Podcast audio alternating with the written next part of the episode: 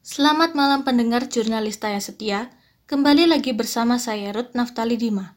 Kali ini saya akan membawakan sebuah berita singkat yang berjudul Mengenal bagian luar dan dalam gudang hantu Indonesia.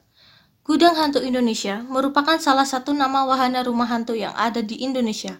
Letaknya tidaklah pasti karena berpindah-pindah dari satu mall ke mall lain.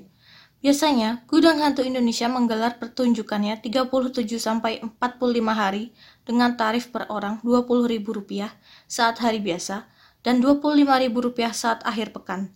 Saat ini, Gudang Hantu Indonesia sedang beroperasi di Cijantung Mall Jakarta dan Cianjur City Mall Cianjur.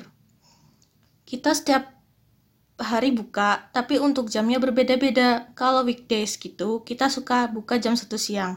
Kalau weekend gitu kita bukanya mulai dari jam 11 atau jam 12 siang. Tutur Yudo Prihatmoko, salah satu pekerja di Gudang Hantu Indonesia yang menjadi narasumber pada kegiatan wawancara hari Selasa 7 Juni lalu. Yudo pun menjelaskan perihal pasang surut yang terjadi di tempatnya bekerja. Biasanya, Gudang Hantu Indonesia akan dipadati banyak pengunjung bila hari libur tiba atau bioskop di mall sedang menayangkan film dengan banyak peminat. Namun, jumlah pengunjung akan berkurang secara drastis ketika hari-hari biasa.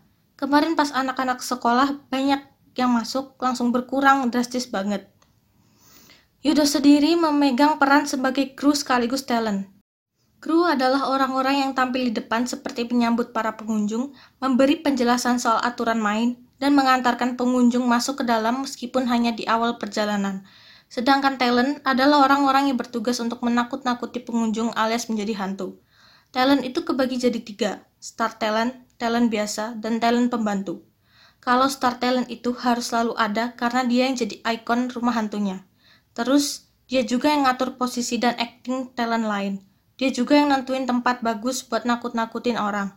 Talent biasanya jadi hantu biasa, sedangkan talent pembantu biasanya menjadi kru kalau ada yang sakit baru digantiin, jelas Yudo. Baiklah, berhubung kita sudah di akhir berita, maka selesai sudah perjumpaan kita kali ini. Saya Ruth Naftali Dima dari Jurnalista undur diri. Semoga hari kalian menyenangkan.